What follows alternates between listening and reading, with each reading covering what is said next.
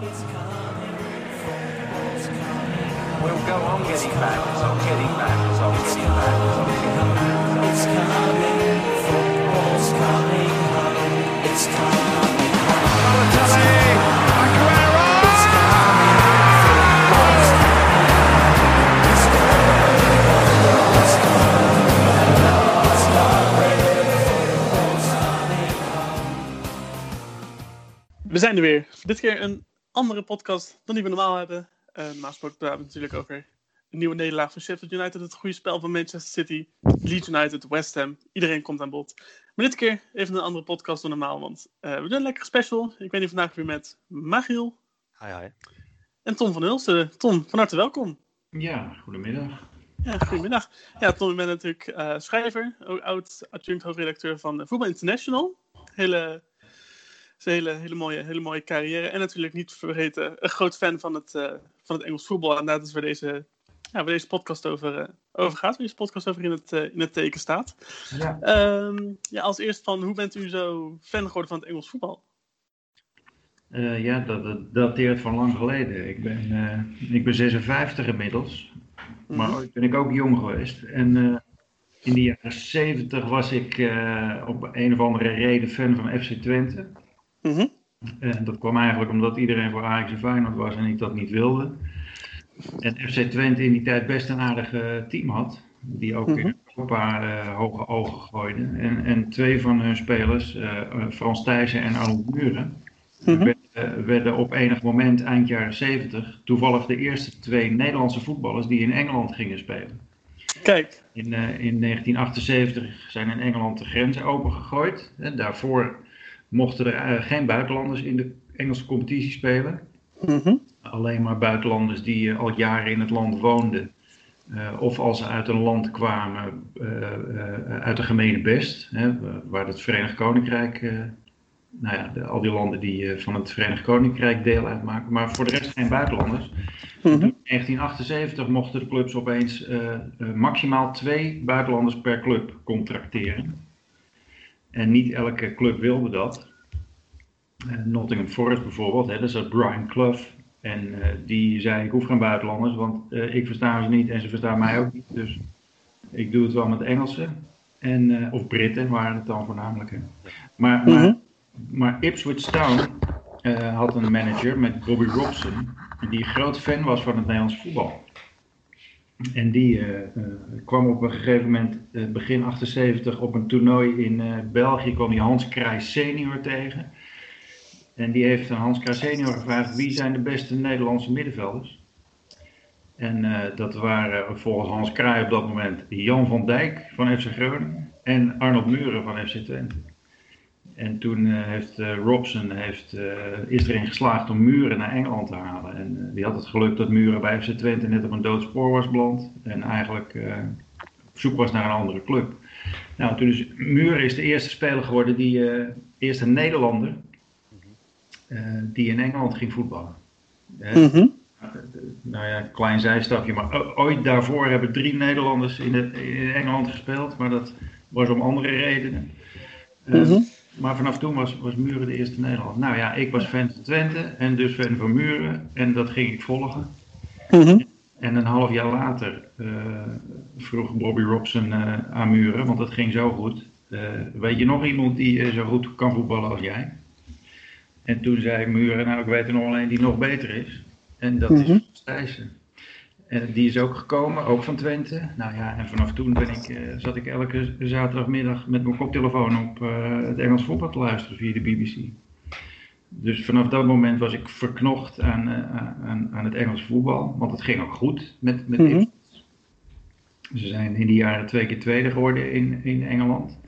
Dus er waren heel veel in die eh, radioverslagen te horen op de radio. En dat eh, de, de passie van die commentatoren en het eh, geluid dat uit die stadions kwam. En de manier waarop ze Muren en Tyson eh, uitspraken. En die twee Nederlanders die daar uitstekend voetbalden. Ja, dat sprak mij enorm aan als jonge jongen. Mhm. En ja, vanaf dat moment was ik. En, eh, Vet. zo- is het gekomen. Vet. En was er in die tijd dan ook nog veel, veel, veel andere jongeren die daarin geïnteresseerd waren? Was het toen nog een soort rariteit om, om zeg maar, Engels voetbal te volgen? Nou nee, het, het kwam, was wel een opkomst. En dat kwam voornamelijk omdat één keer per jaar was de FA Cup Final eh, live op televisie. En dat Mhm. wedstrijden, ja, dat was geweldig. Eh, dat vond iedereen eh, mooi. De, de passie die daarvan afsprong, dat volle Wembley, de, de opkomsten op het veld met die Royal Family en dan eh, eh, wat er allemaal gezongen werd. Bye en van alles en nog wat. Ja, dat, en, en die wedstrijden waren natuurlijk ook fantastisch. Mhm. Dus eh, ja, de, de Engelse voetbal was om die reden, werd dat wel steeds populairder, ja. En, en toen eh, die Nederlanders daar gingen voetballen, was ik niet de enige die, eh, die daardoor aangetrokken werd. Nee, dat, eh, steeds meer mensen gingen dat volgen. Gaaf. Ja. Ja, kunnen we dan ook stellen dat met Arnold Muren, Frans Thijssen, die naar Ipswich Town gingen, dat dat dan ook de favoriete club is, Ipswich Town? Of... Ja, nee, dat, dat werd meteen mijn favoriete club, ja. ja. en, en, eh, en, en nou ja, het, het, het ging ook gewoon erg goed, hè. Ik heb, ik, ik heb later dus een boek geschreven daar over die periode. Eh, om- omdat dat voor mij, eh, ja, ik was 14. En dan gebeurt er van alles in je, je puberteit, in je jeugd. Maar je bent enorm onder de indruk wat er, wat er gebeurt. Mhm. En ik vond dat, die, dat Thijs en Muren zijn pioniers geweest voor de Nederlanders in Engeland. En die kregen veel te weinig waardering. Dus nou ja, daar heb ik een keer een boek, een paar jaar geleden een boek over geschreven, hoe dat allemaal gekomen is. Mhm. Eh, eh, nou ja, ik, ik volgde Ipswich al mijn hele leven, maar, maar ja, toen ben ik daar nog veel dieper in die club betrokken geraakt. Dus ik, ik ben nu helemaal eh, fan van Ipswich, alleen ze zijn, zijn nogal afgezakt. Mag ik wel Oh, ja. het gaat de laatste tijd niet heel lekker, inderdaad. Dat is wel weer jammer voor zo'n voor zo'n grote, trotse, trotse club. Middenmoot- wanneer was het dan? Middenmoot League One eh, inmiddels, maar ja, in die, in die tijd van Muren en Thijssen wonnen ze de UEFA Cup, hè? Ja, Mhm. ja. Ja. Ja. En wanneer was, Ja, het, want- wanneer was het dan? Sorry, mag je nog eerst? Nou ja, ik wilde e- eventjes nog heel kort door over Ipswich, want daar hebben, ze zitten er nou toch, eh, hebben we het er nu toch over. Hoe, hoe ziet u de toekomst van deze ja, ooit, ooit grote voetbalclub? Nog steeds denk ik wel. Want ze hebben Ja. natuurlijk Marcus Evans als eigenaar. Die heeft eh, in, wat is het, volgens mij 13, 14 jaar bijna 100 miljoen pond aan schuld bij elkaar eh, weten te, te kopen. Ja, eh, hoe, hoe- ja het, is een beetje het lijkt een beetje op hoe, Sunderland ook weggezakt is. Alleen is de val van Sunderland iets groter. Ja, nee, het klopt eh, wat jij zegt. Hè. Die eigenaar die is erin gestapt en die, die heeft de club met een enorme schuld opgezadeld. Alleen is het geluk tot dusver nog steeds dat hij daar eh, eh, zelf verantwoordelijk voor is. En, eh, en eh, ja, het ook op. Nou ja, hij houdt die club ook in leven. Hè. Als, hij, als hij nu zegt ik stop ermee, dan is die club eh, failliet. Ja. Ze zijn, hij is nu bezig om die club te verkopen. Dan neemt hij zijn verlies. Eh, nou is die man wel zo rijk dat hij dat verlies eh, wel kan nemen. Maar eh, eh, ja, het is voor Ipswich te hopen dat die club inderdaad verkocht wordt en een andere eigenaar krijgt. Mhm. Dan moet je maar afwachten wat er dan komt. Maar het lijkt mij de enige manier om nog een beetje eh, op te kunnen stomen. Ja. je, je weet het nooit, hè, want er zijn heel veel clubs die, eh, afgezakt waren vanuit de Premier League naar de League One, die later toch weer teruggekomen zijn. Hè, Southampton en Norwich bijvoorbeeld. Dus eh, ja, het kan eh, zomaar weer omslaan. Alleen Ja. in Engeland ben je niet zomaar gepromoveerd. Hè. Als je Nee. eenmaal een divisie lager speelt, ja, die, die, het verschil is niet zo enorm groot qua kwaliteit. En voordat je daar weer een keer uit bent. Dus ja, elk jaar denk je weer, nou, Ipswich zal toch wel eh, nu een keer eh, bij de bovenste eh, teams gaan behoren. Maar elke keer valt het weer tegen. Ja. Dus het, is, het doet pijn. Ja, ik, Ja, nee, ik dat, eh, volg het ook. Ja. dat, kan ik, dat kan ik me heel goed voorstellen. Om nog even over die eigenaar te komen. Eh, wat zou dan eventueel, mocht, eh, mocht Evans het, eh, het verkopen, dan een eventuele ja, potentiële nieuwe ehm, eigenaar kunnen zijn voor, eh voor Ipswich? We hebben natuurlijk wel met Ed Sheeran natuurlijk een, een, een fan die is groot, die is bekend. Die heeft waarschijnlijk veel geld. Zou hij er eventueel in geïnteresseerd zijn? Nou, ik denk, niet dat Ed Sheeran die club gaat kopen, nee. Dus dat, Nee? Maar het is wel grappig dat hij daar veel op de tribune zit en eh, ook uitdraagt eh, dat hij een groot fan van Ipswich is. Hè? Hij stond op Wembley in zijn Ipswich Town shirt. Dus, Ja. is Mhm. Leuk en mooi. en hij zal ook echt wel het geld hebben om die club te kopen, maar eh, ja, Mhm. ik zou het hem niet aanraden. Eh, dat gaat hij ook niet doen, denk ik. Maar ik geloof dat er nu een Amerikaan is geïnteresseerd. Die heet Brad Johnson, als ik het goed heb. En ehm, Wel, ja. eh, eh, ja, het leek een beetje een voorbode dat de, de trainer ontslagen werd en eh, de nieuwe manager Paul Cook werd aangesteld. Dat dat eh, eigenlijk was ingegeven door de nieuwe eigenaar al. Alleen de verkoop nog niet eh, afgerond. Maar nee, voor- de Ipswich fans, en die heb ik hoog zitten, is het te hopen dat eh, dat wel door zal gaan. Ja, Laten we het Ja, dat, doen, eh, inderdaad. laten we het inderdaad hopen. Ik bedoel, als ik dat zo hoor, dan denk ik van ja, Ipswich is natuurlijk een hele, een hele, vette, hele vette club. Eh, ja, hij heeft natuurlijk een boek over geschreven. Hij heeft natuurlijk ook nog een ander boek geschreven. eh, FC Londen. Ja, Ehm, ja, hoe kan het dat in, in een stad als Londen er zoveel clubs zijn, zoveel verschillende soorten clubs en zoveel verschillende divisies? En hoe kan het dat die allemaal toch een soort ja, bestaansrecht hebben? Nou ja, Londen is ten eerste natuurlijk ontzettend groot. Hè? De, de, de, de stad Londen en uh, nou, nabije omgeving, Greater Londen, dat is net zo groot als de provincie Utrecht. Dus, eh, en nou heb je niet in de provincie Utrecht 13 profclubs, maar eh, eh, het is wel een, een groot grondgebied. En eh, Mhm, ja, in Engeland heb je 92 profclubs. mhm, Dus de kans eh, is iets groter dan in Nederland dat je tot die rangen der profs doordringt. mhm, Ehm, ja, en, nou ja, en er zit gewoon eh, de veel geld, eh, rijke eigenaars, ook uit het buitenland, die een leuk speeltje zoeken, die komen sneller naar Londen dan naar Shrewsbury of zo, bijvoorbeeld. ja, Dus ehm, ja, ik denk dat dat een van de redenen is. Ehm, en ja, de, de, de, de, het verschil tussen rijk en arm in Engeland is wat groter dan in Nederland en in Londen helemaal. De, veel eh, jonge jeugd heeft eigenlijk niets anders dan eh, voetballen op straat. En ja, daar ontstaan heel veel eh, grote talenten uit, toch? mhm, Blijkt. Die dan bij de clubs gaan spelen en het dan best goed doen. ja, En nou ja, ze zitten wel verspreid, die clubs over de hele stad natuurlijk. Hè. Mhm. Oost, West, Noord, Zuid, overal. En, maar, maar ja, wat mij betreft is Londen de wereld, eh, hoe noem je dat, de voetbalhoofdstad van de wereld. Want zoveel eh, profclubs op zo'n klein gebied, dat is eh, voor een fan als ik, is dat een, een walhalla. ja, Ja, dan heb je natuurlijk ook nog, naast de profclubs, heb je ook nog een, een enorme zwik aan semi-prof, wat er ook Ja. nog eens zit. Ja, ik geloof Mhm. Toch? 88 eh, van die semi-profclubs en nou ja, ja het gaat maar door. ja. En dan nog even terug te komen naar tot die talenten waar, eh, waar je het eerder over had. Je hebt volgens mij in, ik dacht in, was het in Zuid-Londen, een soort de, de Croydon Circle of zo, een, een plek van, in Londen waarin volgens mij 5% van alle, ehm, van alle prof, prof, Engelse profspelers die komen uit die cirkel vandaan en die komen, zijn zo uiteindelijk in de, Ja. ehm, in de hogere divisies terechtgekomen. Dat vind ik ook wel weer een heel vet, Ja. vet verhaal eigenlijk, dat dat, dat, dat zo kan daar in, eh, daar in, Ja. eh, in Londen. Croy, dat wist ik niet, maar Croydon is de wijk van Crystal Palace. Ja, Dus eh, eigenlijk zou je zeggen dat Crystal Palace dan eh, daarvan zou moeten profiteren. maar ja dat, dat zou weer niet gedaan. Nee. Dat doen, dat doen, ze te, doen ze te weinig inderdaad, als je dat zo, als je dat zo zegt. Ehm, ja, we hebben het natuurlijk ook wel even gehad over, ehm, over bijvoorbeeld het verval van, van, van een Ipswich en ook hoe clubs er maar kunnen, kunnen opkomen. Weet je, natuurlijk in Engeland wel een grote, grote Big Six, weet je wel, grote zes, topclubs. Ehm, ja, zou dat binnenkort bijvoorbeeld een top 7 of een top 8 kunnen worden? Of kan die top 6 binnenkort doorbroken worden? Bijvoorbeeld een Leicester City of misschien zelfs West Ham United. Ik noem maar, eh, ik noem maar twee clubs. Zijn die denk je in staat om zeg maar, de, de, de top te kunnen aanvallen en ze te kunnen, misschien die top wel te kunnen breken op termijn? Ja, nou Leicester City zeker. En eigenlijk doen ze dat ook al. En Ja. hebben ze dat al gedaan. Ja, kampioen worden en daarna...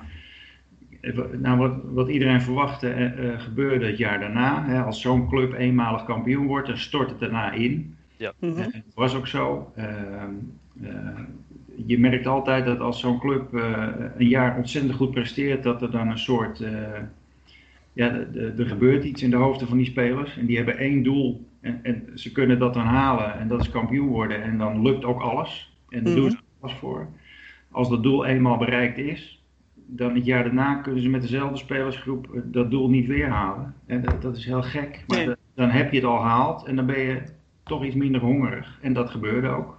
Mhm. En toen verwachtte iedereen, nou ja, dan gaat Leicester weer gewoon, eh, wordt middenmotor of eh, nog lager. Nou, ze zijn er toch Mhm. in geslaagd om daarna weer aan te haken. En dat komt Ja. Mede door uitstekend eh, scoutingsbeleid wat ze eh, hebben gevoerd. Mhm. Ze hebben ook eh, een aantal belangrijke spelers weten te behouden. hè. Vardy bijvoorbeeld. En ze hebben, de, ze hebben heel goed verkocht. Maguire. En daar hebben ze dus een mooi trainingscentrum voor gemaakt, volgens mij. ja. Dus nee, dat hebben ze echt zeker. Ja. en, eh, ja. Ondertussen halen ze dus de goede spelers binnen. En staan ze nu gewoon weer tweede of eh, derde. Nou ja, eh, in, in de top. En ze gaan Champions League halen. Dat, Ja. is, dat is heel goed. Dus ik denk dat Leicester best wel eens een blijvertje kan zijn. Ja, Eh, West Ham is een hele rare club. dat is raar, hè? Ja, dat is... Wel een hele mooie club, uiteraard. Eh, met een mooi stu- shirt en vroeger een mooi stadion en een roemrijke historie. mhm. Ehm, maar ja, er is het altijd onrustig. En dat komt mede door de eigenaren, David Gold en David Sullivan, die eh, ja, een beetje straatschoffies eh, zijn. Eh, komen uit de deels de pornoblaadjesindustrie en zo. Nou, die, die, die types, die, da- daar weet je nooit mee welke kant je op gaat. En dat kan de goede Mhm. kant zijn. Ja. Kijk, het idee was ooit, toen, toen ze het oude stadion hebben gesloopt en verhuisden naar het Olympisch Stadion, dat daarmee echt de, de definitieve stap naar de top zou worden gezet. Want je kan Ja. natuurlijk met zo'n gigantisch stadion heb je veel meer financiële mogelijkheden. Mhm. Nou, dat is in de eerste jaren behoorlijk tegengevallen, eh, moet je zeggen. En net Ja. op het moment dat je verwacht dat het nooit meer wat zal worden, eh, haken ze nu toch weer aan. Mhm. Maar ik denk niet dat eh, West Ham Champions League voetbal gaat halen hoor. Daar komen ze denk ik op het eind weer net even tekort voor, dit seizoen. Mhm. Eh, en, en dan zal het niet meevallen om volgend seizoen weer zo'n goed seizoen als dit eh, te draaien. Ja, je, je ziet misschien. eh, Kijk, elke club heeft last van eh, het, dat ze het thuisvoordeel niet hebben door alle, hè, doordat er geen fans op de tribune zitten. Maar Mhm. de ene club heeft er toch wat meer last van dan de andere. Ja. Mhm. Bij West Ham is het, omdat er 13 meter zit tussen de dugout en het speelveld, eh, zit het publiek nou niet echt boven op het veld. En in andere stadions wel. Eh, hè, ik denk dat de Liverpool bijvoorbeeld, die, dat, die, die een groot nadeel hebben ondervonden van het feit dat er geen supporters op de tribune mogen zitten. Mhm. West Ham ongetwijfeld ook wel, maar iets minder. Dus ik, ik denk dat West Ham volgend seizoen een wat lastig seizoen zal gaan draaien. Eh, Mhm. dat, dat Leicester wel, eh, hè, dat het langzaamaan een top 7 aan het worden is, met Leicester erbij. Dat, dat West Ham nu zie ik nog niet zo ver komen. Oké, dat, eh, dat klinkt inderdaad vrij eh, klinkt inderdaad, eh, prima. Maar ik zal wel te denken, want we hadden het over de top 7, dan een, een top 7. Maar als we dan uit de grote 6 er eentje moeten, moeten weghalen, wie zou het moeten zijn? Ik, ik neig toch op dit moment een beetje naar Arsenal. Ik vind het toch een lastige, een lastige situatie rondom die club op dit moment. Want ze weten niet precies waar ze staan, heb ik het idee. Nee, maar als het, ja, ze zijn op dit moment, de, van die top 7 zijn ze de zevende, zeg maar. Mhm. Maar Arsenal is ook wel een club die eh, daar eh, volgend jaar best weer tussen kan staan. Eh, Arteta heeft wat tijd nodig, denk ik. Ik denk dat het wel een, een heel goede trainer is. Mhm. Ehm, maar ondertussen gaat mijn bel op de achtergrond. Maar die laat ik even. Ehm, ik denk dat Arteta wel een hele goede trainer is. En dat als hij de tijd krijgt, dat hij daar best wel wat van kan maken. Ja, Arsenal heeft altijd een beetje een terughoudend, eh, conservatief eh, beleid eh, gevoerd. Hè? De, Mhm. Niet te veel geld uit willen geven, op zoek naar de, de, de echte grote talenten die je nou, voor iets minder geld kan binnenhalen en dan kan ontwikkelen. Mhm. En dat is ook wel weer mooi. Vind Ja. ik dat, Zo'n club. Dus ik hoop ook dat eh, dat, dat weer gaat lukken en dat ze eh, in ieder geval tot de top blijven behoren. En ik verwacht ook wel dat dat gaat gebeuren. Ook de straat en de financiële mogelijkheden daarvoor eh, hebben ze wel. Is, niet, dan is Fabian ook weer een beetje gerustgesteld. Als ik dat zo, eh, als ik dat zo is. Een van onze andere gasten, die is, eh, die is Arsenal-fan, eh, die weer podcast doet. Die, is, eh, Ja. die heeft, genoeg te, die heeft er genoeg over te zeuren dat het niet, niet goed gaat. Want als hij dit zo, als hij dit zo hoort, dan, dan, dan komt het wel goed, denk ik ook. helemaal goed gaat het nog niet, maar eh, nee. Nee. het is ook niet hopeloos. nee, precies. Nee. Maar je ziet de potentie wel, inderdaad. Dat lijkt me wel. Absoluut, absoluut. Ehm, Ja, ik had uw, uw, uw boek Kick and Rush, dat gaat wel een beetje over de romantiek van het wat eh, ah, Engelse voetbal, meer van het verleden voor de Premier League, de, de First Division. Ehm, nou heb ik ook eh, het boek van eh, John Nicholson, die heeft het over dat het geld het eh, Engelse voetbal eigenlijk kapot aan het maken is, wat verdiend wordt in de Premier League. Dat komt omdat natuurlijk de, rechten worden verkocht. Als jij naar de Premier League gaat, dan heb je nog geen wedstrijd gespeeld en je hebt al 100 miljoen pond verdiend. Ja. Ehm, ja, maakt dit het voetbal ook daadwerkelijk kapot? Of hebben clubs zoals wat we gezien hebben met Leicester, eh, maar ook de wat kleinere clubs die in de lagere divisie zitten, de kans om aan te haken? Ook al worden de initiatieven gestart als een Project Big Picture, waarbij de grote zes echt de macht willen grijpen. Ehm, nee, ik denk, nou ja, deels maakt het, eh, het geld het voetbal kapot. Ehm, maar dat is vooral omdat de kloof tussen eh, rijk en arm eh, gewoon groter wordt. Ja, eh, voor een club als Ipswich zoals het nu is, zal het niet meevallen om weer bij de top van het Engelse voetbal te gaan behoren. Eigenlijk is dat onmogelijk. Ja. De- dus op die manier wordt het voetbal wel een beetje kapot gemaakt, omdat ja, je hebt een elite klasse. En om daarbij te komen, dat gaat lang niet zo makkelijk als vroeger.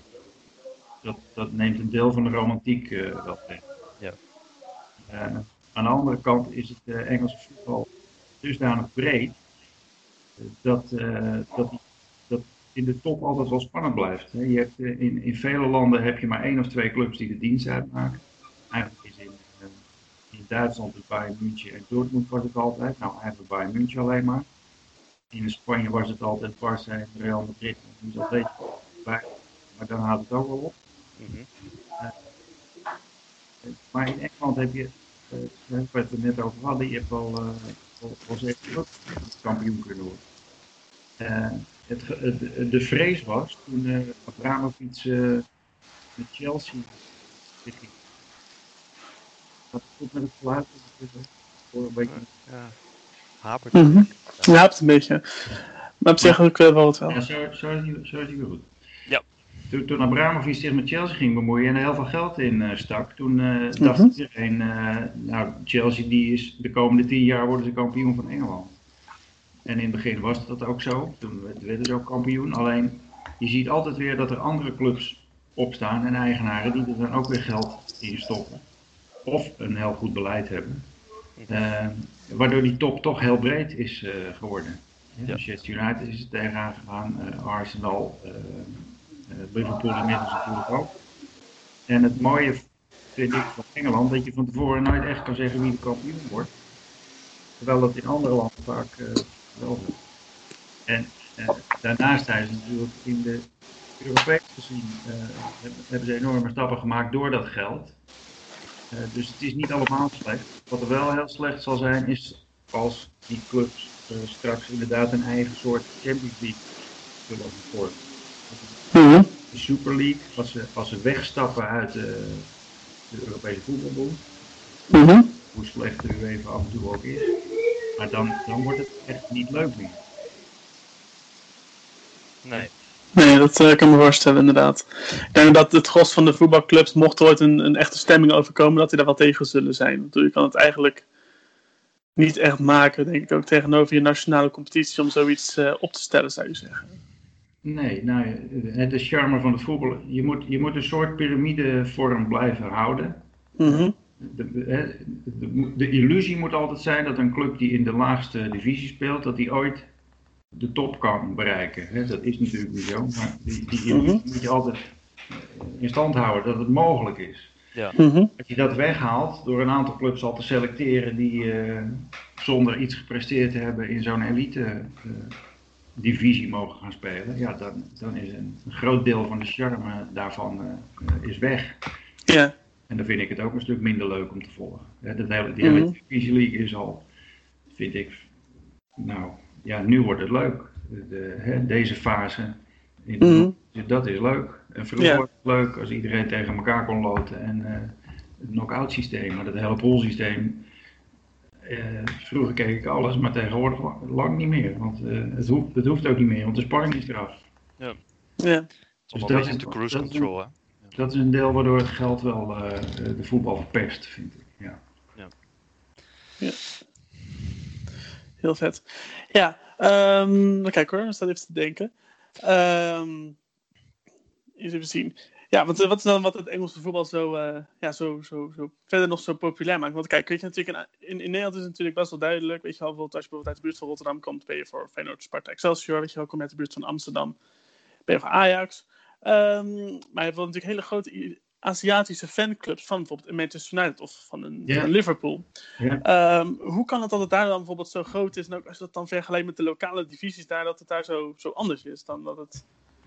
Je wel, dat ze daar zo fanatiek voor United zijn, voor Liverpool. Waar denk jij dat die aan- aantrekkingskracht zo, eh, zo in zit? Ja, het is dus ook een soort statussymbool eh, daar. Nou, het, eh, het heeft er ook mee te maken dat de lokale competities daar natuurlijk helemaal niks voorstellen. Mhm. En ze zich dan liever spiegelen aan eh, de grootheden van, eh, van de Premier League. En, en, Ja. en het is daar eh, ook overal te zien. Hè? Op Ja. elk tv-station en elke eh, ja, kroeg en café. Het is echt heel groot daar. Eh, Mhm. Ik was in eh, Liverpool vorig jaar en daar eh, ontmoette ik een aantal mensen uit Thailand. En een daarvan bleek een beroemde Thaise tv-presentatrice te zijn. En die waren helemaal idolaat van Liverpool.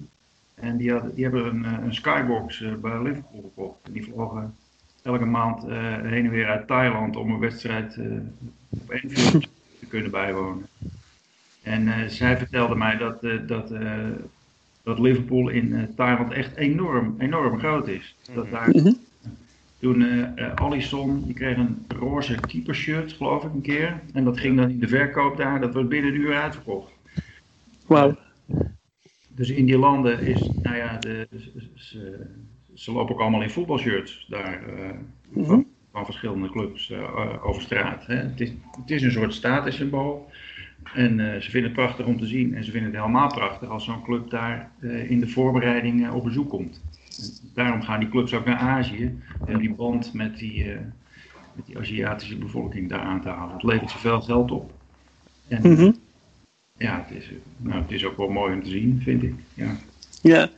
Het is alweer een soort, het is weer een soort charme. Ik vind het ook altijd wel grappig als je dan ziet inderdaad van die Indianen die dan met hun iPad zeg maar zo, op, naar, zo naar het scherm, naar, de, naar het veld staan om zo weer foto's te maken. Dat zie je op Old Trafford. En volgens mij ook mede daarom hebben ze een iPad-ban ingevoerd. Er mogen gewoon geen iPads het stadion in, om, omdat ze daarmee het zicht voor de supporters achter hun eh, omhalen. Ja. Ja, die kijken niet eens in de wedstrijd, maar die Nee. maken alleen maar foto's. Ja. Ja, precies.